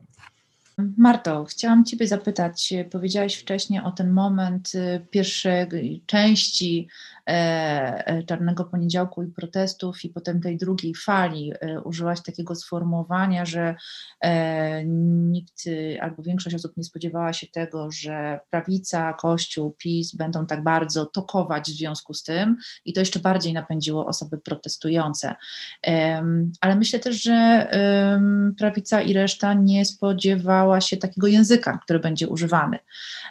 I przy okazji strajku kobiet i E, zdarzeń październikowych, myślę, że jakby ten język wszedł na jeszcze kolejny poziom. E, jak myślisz, e, albo jak widzisz to ze strony osoby z ogólnopolskiego strajku kobiet, na ile to była potrzeba i że ten język gdzieś buzował po prostu w ludziach i wy już zwerbalizowałyście go w ten sposób, że inaczej się już nie dało, a na ile to wy byłyście tymi, które e, mówią osobom, ej, to jest okej, okay. ten język też, też jest dobry, jeśli chodzi o mówienie o tym, w którym jesteśmy momencie. Jak to widzisz? Rozumiem, że, rozumiem, że chodzi o słynny baner z napisem wypierdalać. A między innymi, e... oczywiście. Wiecie, bo ja jestem właśnie taką osobą nie bardzo zaangażowaną w analizy przeróżne, tylko raczej nie. E, więc mocno mi śmieszą takie różne artykuły o tym, jak to się język zmieniał i w ogóle, że to, że tak jakby ktoś sobie wyobrażał, że usiadła sobie jakaś wycieczka w strajku kobiet i wymyśliła, zmienimy teraz baner i sobie zrobimy baner wypierdalać, bo przez ten czas tak wcale nie było. Siedziałyśmy, e, ja siedziałam u Klem w fotelu, Jacka Kuronia, który zostaliśmy od Danki Kuroń chyba już wtedy. I e, rozmawiałyśmy o tym, co się zmieści na 10 metrach. Ja sobie to rozrysowałam, pamiętam to dokładnie tam ile to jest, tam 80 centymetrów, przerwa 80 centymetrów, bo to miało być w ogóle w innym, to miał być do innego celu ten baner, dlatego on był taki wysoki, on miał 2 metry na 10, a normalnie mam metr, metr 20, e, bo on był przyszykowany do w ogóle innej akcji. I wtedy jak e, siedziało pod Trybunałem, tam Klementyna poleciała, co może powiedzieć, to w którymś momencie zadzwoniła, że tam chodźcie tu i weźcie ten baner. I wzięliśmy ten baner, ale to było tak, że gdyby ten baner nie odpowiadał temu, co ludzie to nikt by go nie, jeszcze on był potwornie ciężki, bo on był dwa razy większy, dwa razy wyższy niż normalnie, koszmarnie się go trzymało, ludzie ani by go tam nie trzymali, nie staliby z nim, ani nie poszliby z nim na żoliborz, czyli my mogłyśmy sobie wymyślać, przyjść z nim, nie wiem, cokolwiek, a nic by się nie wydarzyło, więc on po prostu, to się zbiegło, to, że akurat wypierdalać się doskonale mieści na 10 metrach, e, się zbiegło z tym, że ludzie byli gotowi taki baner nieść. To dwie rzeczy. My mogłybyśmy sobie wymyślać dowolnie, ale gdyby nie było takiej gotowości w ludziach, to by się nie zadziało. I tyle. No, ja wiem, że powstaną na ten temat jakieś analizy, które będziemy czytać ze zdziwieniem, e, tak jakby się dowiemy, jakieś przerażających rzeczy, jakby nas tam w ogóle nie było, no ale to zawsze tak jest, nas to mnie w ogóle nie dziwi. Jeszcze dodam tylko o tym, e, bo chciałam o tym aborcji jest ok powiedzieć, u nas była straszna inba na strajku, bo u nas są bardzo różne osoby, my jesteśmy bardzo zróżnicowane, i dziewczyny się naprawdę mocno kłóciły. I wiecie, kiedy się przestałyśmy kłócić? Jak tylko poszła jakaś taka okładka, nie wiem, to był chyba duży format czy coś, z jakąś faszystką. I po prostu wtedy było takie, aha, no to mamy jasny wybór, nie? albo jesteśmy po tej stronie, albo po tej. I to była jedna, kolejna taka sytuacja, że po prostu jesteśmy zmuszone zająć stanowisko i że już nie ma, że jakieś są niuanse, coś, tylko oburzenie jest okładka, aborcja jest okej, okay, ale że jest wywiad z faszystką, która opowiada, że super jest być faszystką i że faszyzm jest w ogóle świetny i w ogóle promujmy faszystki należące do faszystowskich organizacji, to, było, to był moment, kiedy tak naprawdę się to ucięło.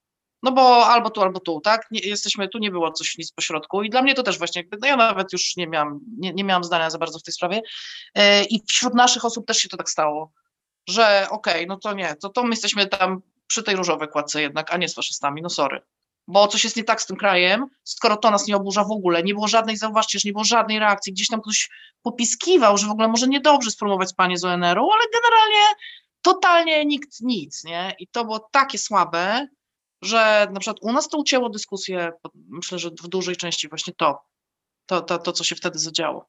Powiedziałaś o tym, że niebawem pewnie powstaną y, analizy dotyczące języka. Ja oczywiście jak usłyszałam fotel Kuronia, to już miałam początek opowiadania. Wszystko wydarzyło się wokół fotela Kuronia.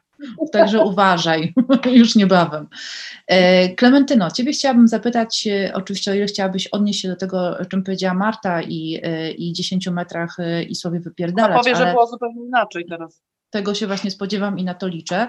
Natomiast e, Ciebie chciałabym, Klementyno, zapytać się również o język w kontekście literackim, bo sama powiedziałaś o tym, że wcześniej Gombrowicz, później e, praca na e, dokumentach przy okazji książki To jest wojna.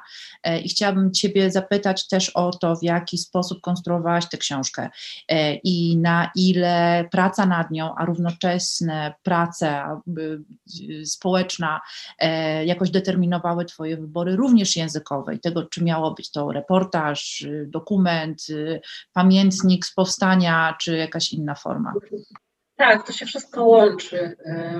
Ta książka i w kompozycji, i w warstwie językowej jest wynikiem tego, czego się nauczyłam w strajku, czego, co już wiedziałam jakby z takich ulicznych sytuacji, z tego, jak ludzie mówią.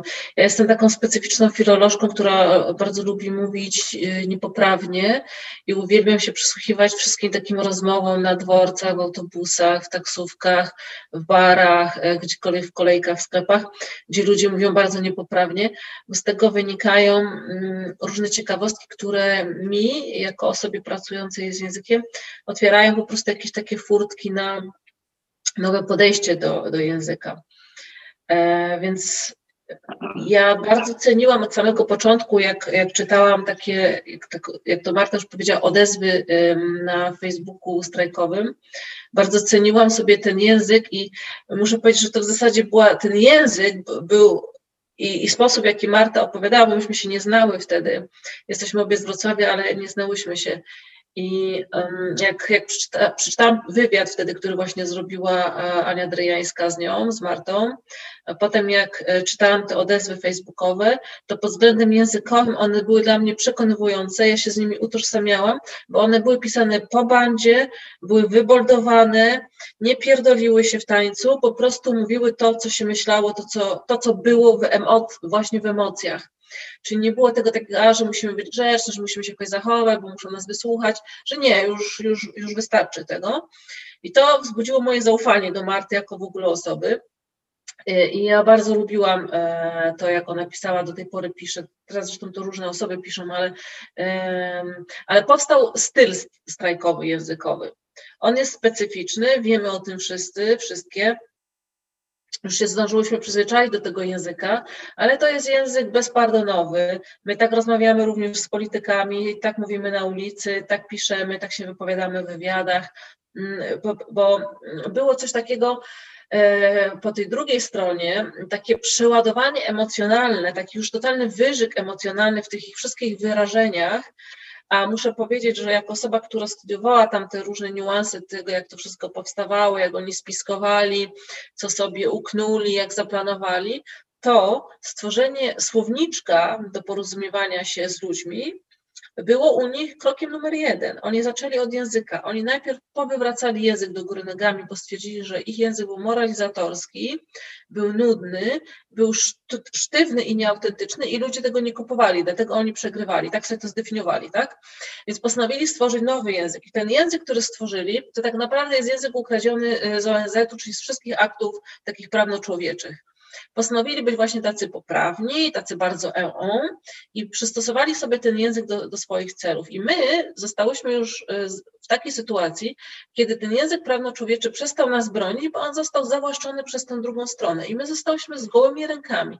Gdybyśmy wychodziły wtedy na ulicę i mówiły o prawach kobiet, o szacunku, o kurde, nie wiadomo czym, co wszystko jest bardzo tak, jak najbardziej sensowne i, i o to chodzi, to językowo byśmy, nie były, byłybyśmy w stanie zmobilizować ludzi, rozmawiać z ludźmi. E, I, i, I to stworzyło taką pułapkę, że nam zabrano język i nie miałyśmy już języka, którym mogłyśmy mówić. W związku z czym właśnie ta luka została wypełniona po prostu temperamentem tego wkurwu, bardzo mocno przez Martę właśnie tą jej stylistyką popchnięte właśnie w tę stronę, I, I to jest nasza siła, że my mówimy emocjami, tak jak mówi tam ta druga strona, bo oni też apelują bardzo mocno do emocji, ale ich emocje są wykalkulowane, są obliczone.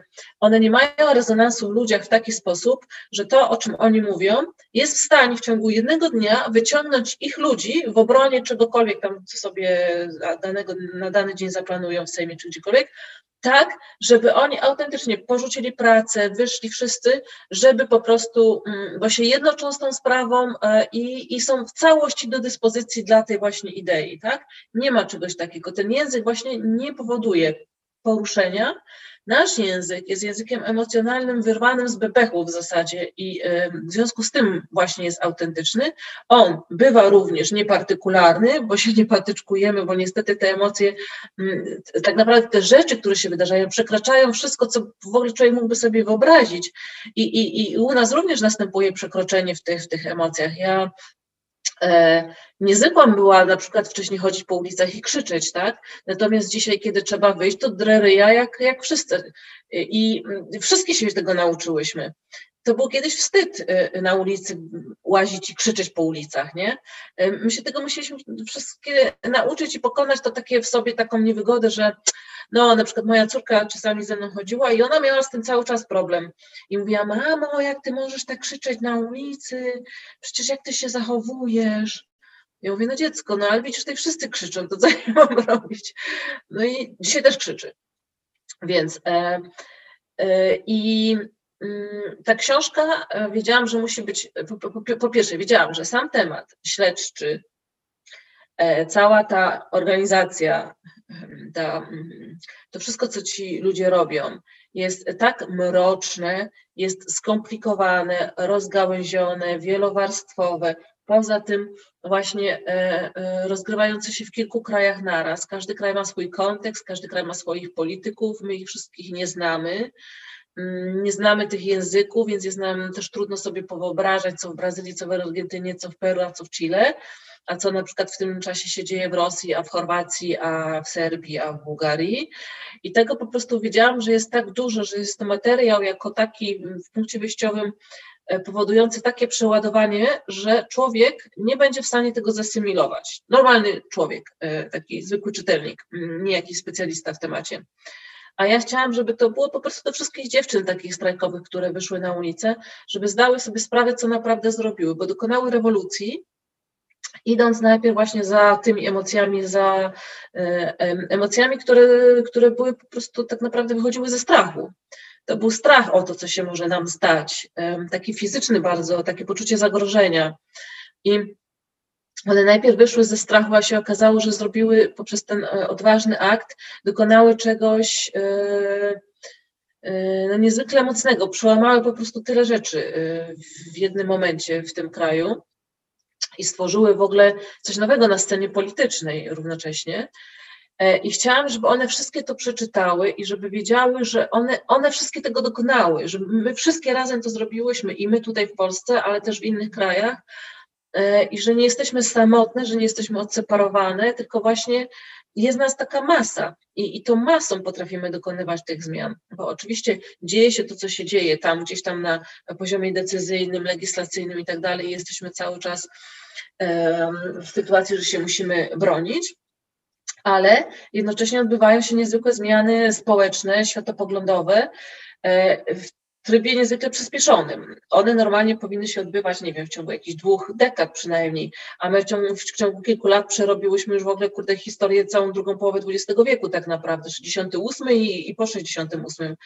Um, więc um, musiałam to napisać tak, żeby te dziewczyny, które na te ulice wyszły, które są częścią tego wszystkiego, o czym ja piszę, bo jest tam historia, tak jak mówię, śledcza dotycząca tych, ja to nazwałam cały czas roboczo zjebów, więc jest historia zjebów, skąd oni są i kim są, a jednocześnie jest historia kobiet, które się temu przeciwstawiają i że ja muszę napisać to tak, żeby one zrozumiały, czyli muszę to uprościć, muszę rozrzedzić. Um, bardzo dużo było pracy po prostu nad językiem w, w częściach śledczych, żeby to było uh, zjadliwe. Te części, które dotyczą już bardziej działalności strajkowej, e, potem naszych takich międzynarodowych działań razem z Martą, e, to było łatwiejsze, bo pisałam po prostu sobą, to były częściowo moje wspomnienia, częściowo jakieś materiały, z których korzystam. To było prostsze, to było takie nasze, takie swojskie. Natomiast tamta cała ta gmatwanina tego wszystkiego e, bardzo też i podlegała dużej pracy redakcyjnej, bo ja to upraszczałam i, i tam potem jeszcze redaktorzy to czytali i na nich się sprawdzało, czy to już jest czytelne, czy jeszcze nieczytelne mm, i tak dalej. Także to, to był pewien proces e, e, bardzo dużej pracy nad językiem. A jeszcze a propos tego, co Marta powiedziała o tych hasłach, to jest też w tych hasłach. Ja pamiętam, że na pierwszym spotkaniu właśnie, o którym e, ona wspomniała, kiedy po raz pierwszy w strajku po tym zrywie w 2016 w październiku się zebrałyśmy mm, i to już był początek 2017, we Wrocławiu miałyśmy takie pierwsze spotkanie, znaczy wszystkich po prostu dziewczyn organizatorek z całej Polski, wszystkie, które mogły przyjechały wtedy i pierwszy raz się widziałyśmy tak normalnie, poznałyśmy się w ogóle mm, i to było niesamowite, że to były tak różnorodne postacie, po pierwsze, że z różnych miejscowości, w sposób oczywisty, ale e, zawodowo, charakterologicznie, to, to było niesamowite. I pamiętam, że była dyskusja o tym, mówiłyśmy tam właśnie o kościele, ten, ten kościół i świeckość państwa od razu wybiła bardzo mocno, że to jest po prostu coś, na czym musimy się skupić i że tutaj trzeba dużo rzeczy zrobić. I było takie hasło, że ręce precz od, nie wiem, od kobiet, czy od praw, czy coś takiego.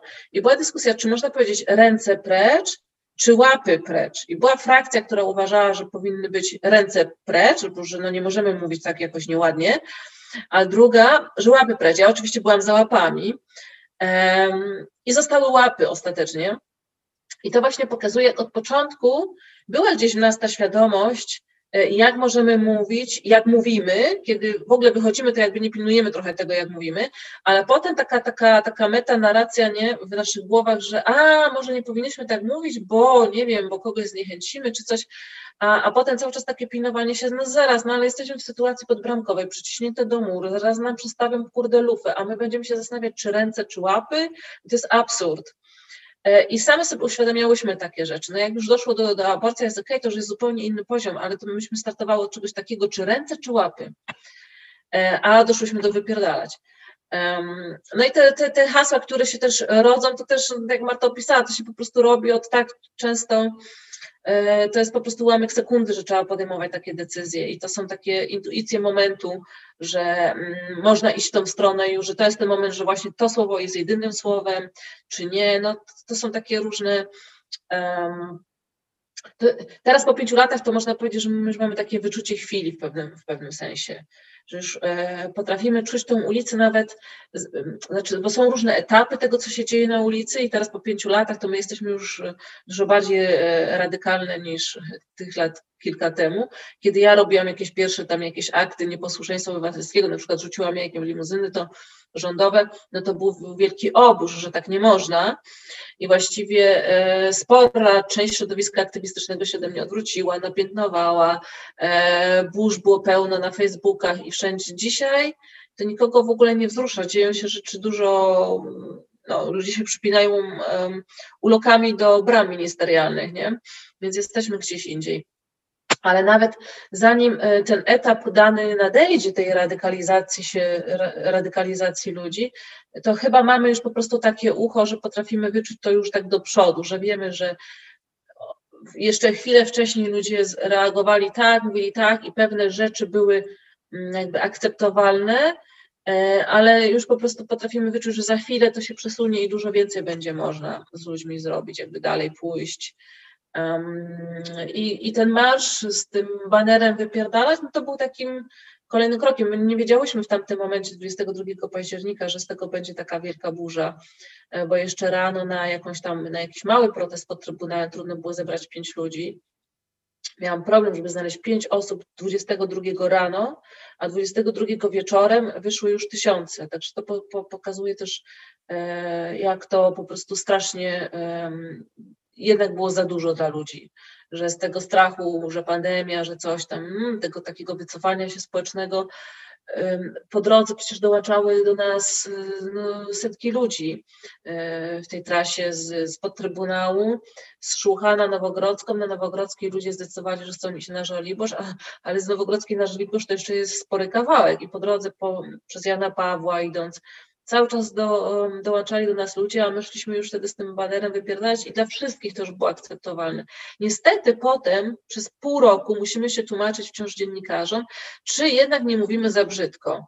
I to, to jest niesamowite, że na ulicy się dzieją takie rzeczy i potem przychodzi pan, pani jakby wyrwani po prostu gdzieś z jakiegoś kosmosu i się pytają, czy to nie jest za brzydko, ale to ulica wrzeszczy jebać a oni się mnie pytają, czy wypierdalać jest, jest, jest. Ale był pan, pani była na ulicy, słyszeliście, co ci ludzie krzyczą. Dlaczego mnie pytacie, czy to jest brzydko? No skoro ludzie tak krzyczą, no to widocznie mają jakąś potrzebę, żeby to krzyczeć. To nie ja jestem za to odpowiedzialna, bo jakby to jest taki tłum, że nie zapanuje na tym i powiem wszystkim, ej, hello, wiecie, a teraz będziemy krzyczeć jebać i oni się wszyscy ze mną zgodzą. Jeśli nie będą chcieli krzyczeć jebać, to nie będą tego krzyczeli, nikt za mną tego nie powtórzy, ale skoro sami z siebie krzyczą, to znaczy, że coś się stało, i mają jakiś powód bardzo mocny, żeby krzyczeć coś takiego, nie?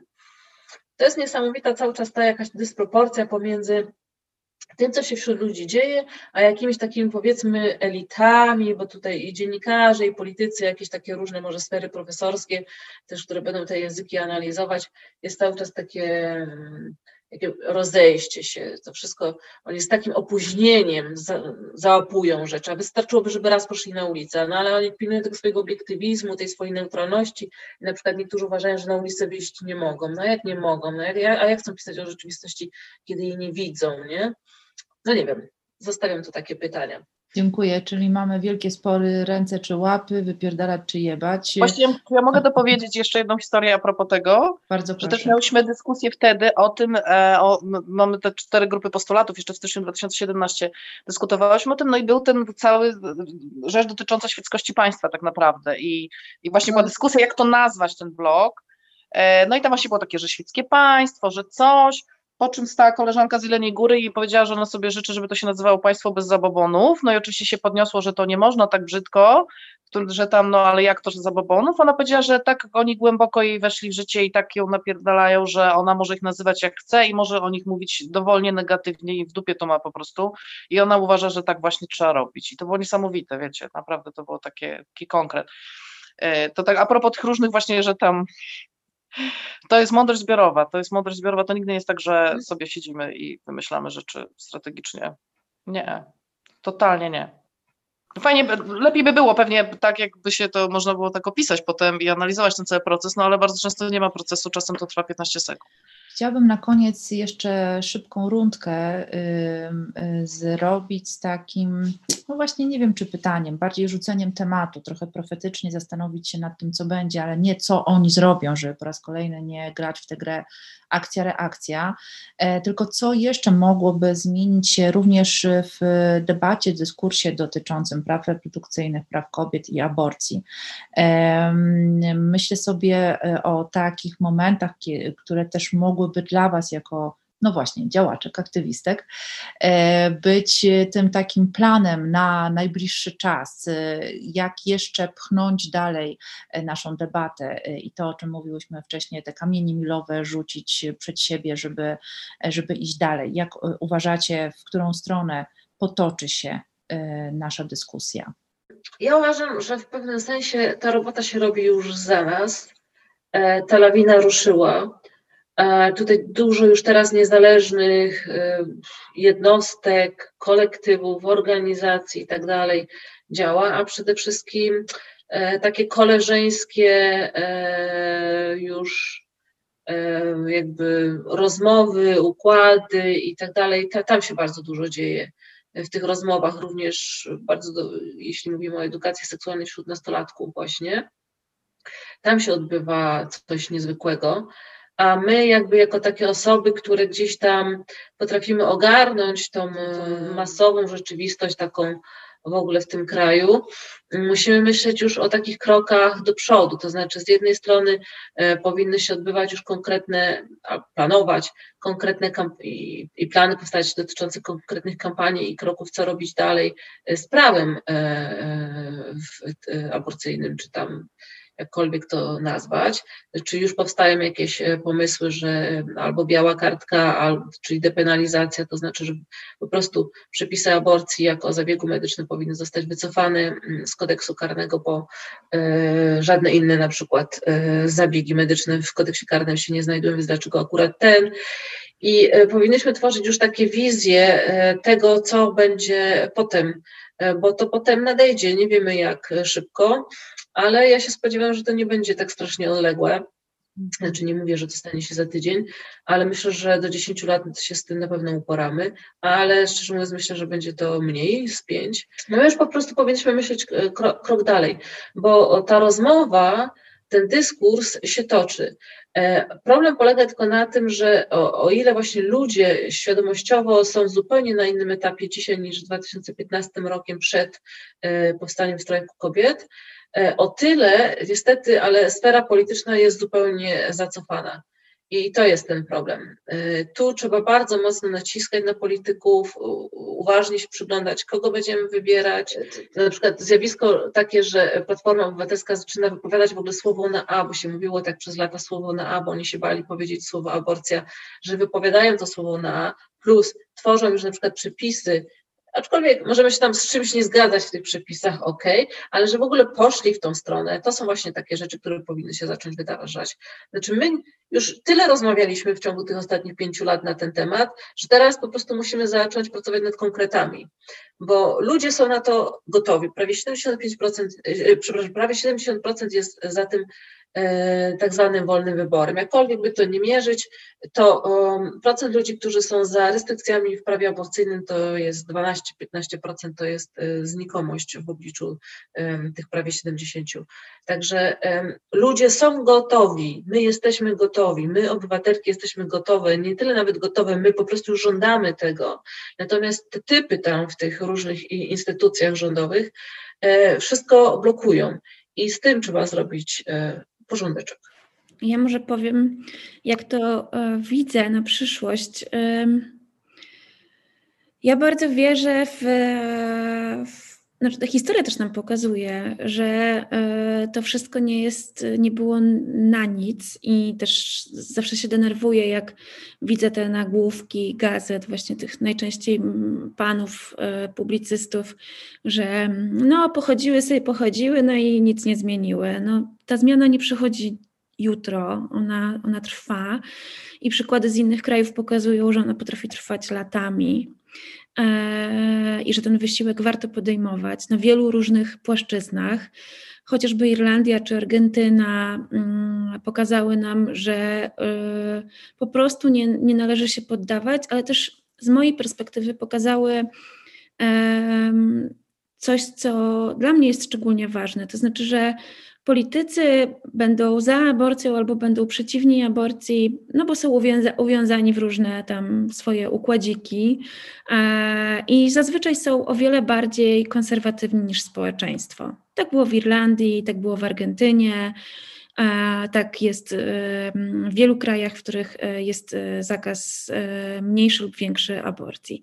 Natomiast w pewnym momencie ta kumulacja protestów ogólnokrajowych, ale też właśnie ta atmosfera skandalu, która na początku jest skandaliczna, a potem staje się po prostu czymś e, oswojonym, sprawia, że politycy w pewnym momencie muszą zająć pozycję, że już im się nie opłaca mówić, że są przeciwko aborcji. I tak było w Irlandii. W pewnym momencie e, irlandzki minister zdrowia, on wcale nie był pro-choice, a już na pewno nie był pro-abo.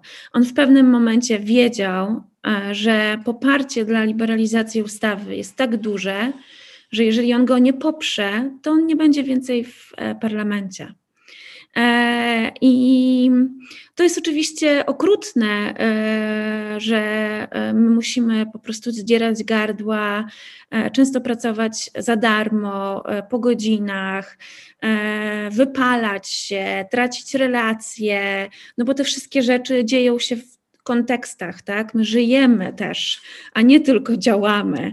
E, robimy bardzo dużo różnych rzeczy, gdzieś tam wpychając to pomiędzy ten nasz aktywizm czy działanie, żeby móc też po prostu funkcjonować i że musimy to robić latami, żeby no właśnie Platforma Obywatelska e, zrobiła pół kroczku, ale, e, ale ten krok się musi zrobić. Ja myślę, że większość polityków już zobaczyła, że po pierwsze nie odpuścimy, po drugie, że aborcja się dzieje i po to też powstała aborcja bez granic.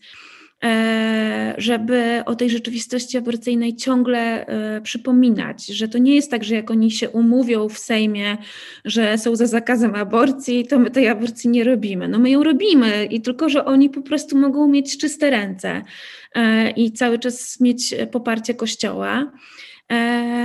Ja mam nadzieję, że zadzieje się właśnie trochę tak jak w Irlandii czy w Argentynie, że w pewnym momencie do swoim uporem, ale też pomaganiem w tej rzeczywistości aborcyjnej, wspieraniem osób w aborcjach, e, zmusimy polityków do tego, e, żeby mm, nawet jeżeli są przeciwko, zaczęli podejmować decyzje, które, e, których oczekuje od nich społeczeństwo, bo, bo będą chcieli utrzymać się u władzy. No, taka jest polityka. Sami tam po to poszli i, i w pewnym momencie zorientują się, że tego chce od nich większość.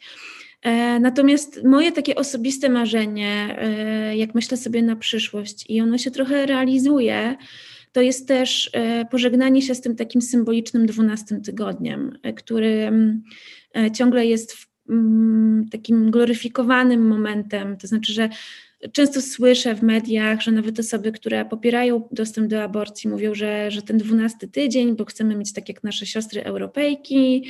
E, tak, e, powinnyśmy mieć dostęp do aborcji, e, powinnyśmy mieć dostęp do aborcji na NFZ, darmowy, bez wstydu, bez zbędnych barier. Natomiast ten 12 tydzień jest barierą. Ja bym chciała też o tym zacząć mówić, że 12 tydzień jest barierą i badania chociażby mm, Diane Foster Green, Green to jest taka mm, dosyć zaawansowana badaczka amerykańska, niestety e, co, co często się jej zarzuca, że trudno jest przełożyć ten kontekst amerykański na Europę. Natomiast ona zrobiła duże takie badanie mm, na bardzo e, dużej grupie osób. Ono się nazywa Turnaway Study, które mówi o tym, że e, osoby, które, którym odmawia się aborcji właśnie z powodu tego terminu, to znaczy, że przekroczyły ten dwunasty tydzień albo za późno się zorientowały, że są w ciąży.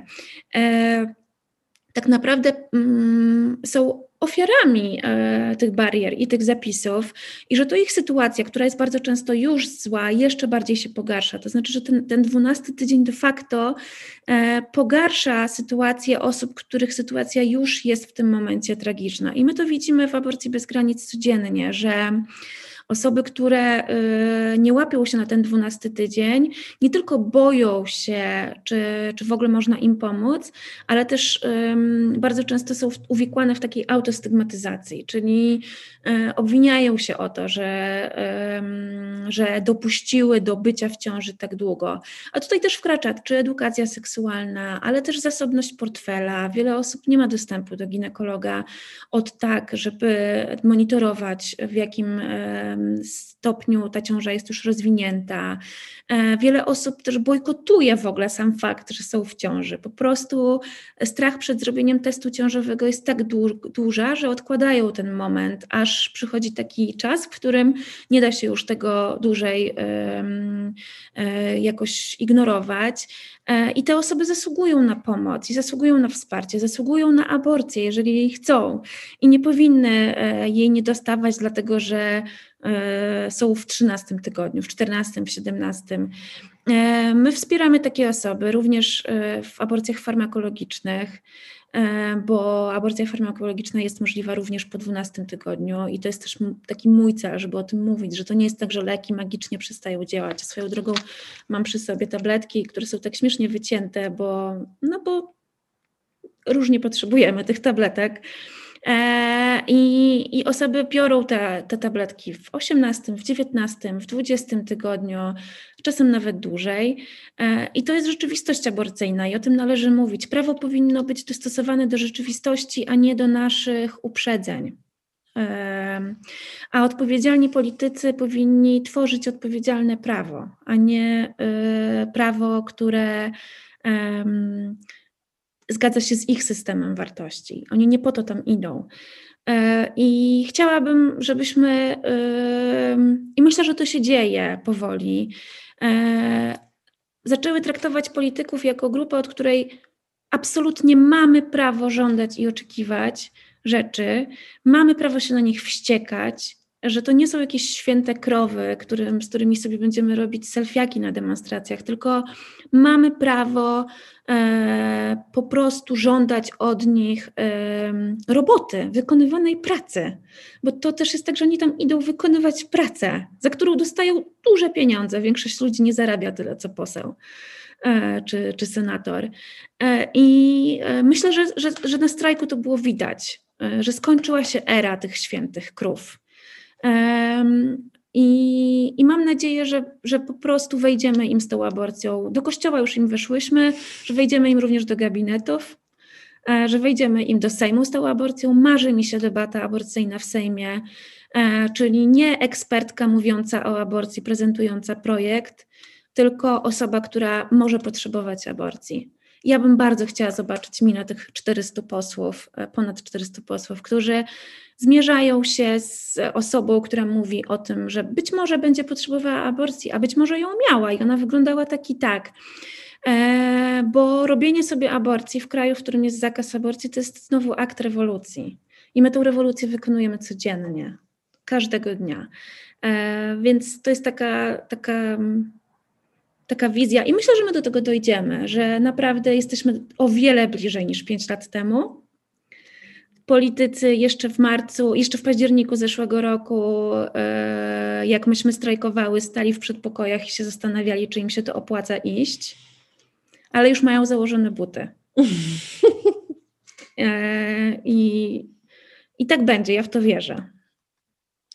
Ja może jeszcze mogę dodać szybko, że mm, wydaje mi się, że to, o czym mówi Natalia, też e, powinno, czy w jakimś sensie, jeśli chodzi o, o to, jak ja e, patrzę w przyszłość. I trochę już widzę i czuję, że to się dzieje, wydarzy się też, e, że tak powiem, w świecie reprezentacji, czyli nie wiem, w literaturze, w filmie, w teatrze, dlatego że my też potrzebujemy tego o tym doświadczeniu aborcji, o tych wyborach i o tym, jak dokładnie to przebiega i również poza 12 tygodniem potrzebujemy o tym czytać, potrzebujemy oglądać filmy, potrzebujemy śmiać się z tego. Mi się marzy naprawdę aborcyjny stand-up. Jakby ja tutaj y, trochę tak widzę mm, przyszłość, bo jest trochę tak, że aborcja stała się takim hot teraz tematem, więc liczę na to, że z tej zajawki na, na aborcję wyjdą po prostu dobre sztuki, dobre książki, dobre filmy. Dziękuję, dlatego też jest nasz konkurs dramaturgiczny. Liczymy na to. Ciekawa jestem swoją drogą, czy e, przyjdzie na konkurs tekst, który będzie po prostu zabawny Y, albo który będzie ulgą. No i liczę również na to, że politycy i polityczki nie tylko stoją przy pokoju z butami, ale może nawet już neseser wzięli do ręki, żeby tam coś jakiś urobić, choćby notatki, y, które zbliżałyby nas do tego, o co walczymy wszystkie. Natalia, jeszcze chciałaś coś powiedzieć? Jedną rzecz powiem a propos polityków. E, jakiś czas temu, chyba ze dwa tygodnie temu, na aborcję bez granic zadzwoniła asystentka Ewy Kopacz. Jakież było nasze zdziwienie, kiedy się przedstawiła i powiedziała, że Ewa Kopacz idzie wieczorem do Moniki Olejnik i chciałaby znać e, dokładne cyfry. E, jakie są liczby, e, ile to kosztuje i w ogóle. No więc wieczorem zasiadłyśmy przed telewizorami, żeby zobaczyć, czy Ewa Kopacz powie to, co się od nas dowiedziała. No i okazało się, że jesteśmy fundacją, która pomaga w dostępie do tabletki dzień po, co w ogóle nie jest prawdą. Natomiast przez trzy godziny miałyśmy dużą ekscytację. Zadziało się to, co się zadziewa. Po prostu jednak nie. Więc chciałabym tutaj e, to e, jakoś naprostować. E, tabletkami po zajmuje się kolektyw Dzień Po, który jest oczywiście wspaniały i kochany, ale my się zajmujemy aborcją i raz przynajmniej na dwa tygodnie publikujemy statystyki. Nie trzeba do nas dzwonić i zajmować numeru. Można wejść na nasz fanpage, sprawdzić zawsze te statystyki. My bardzo chętnie też je przekażemy, jeżeli ktoś ma ochotę o tym porozmawiać. Aborcja się dzieje i była premierka, może o tym mówić, naprawdę, naprawdę może to mówić w popularnym programie publicystycznym.